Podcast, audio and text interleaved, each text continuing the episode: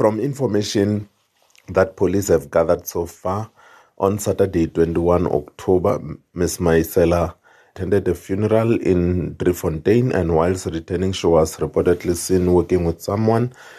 It was a shock when a lifeless body was discovered at a certain house in Wakkerstroom the next day, Sunday 22. A murder case was open.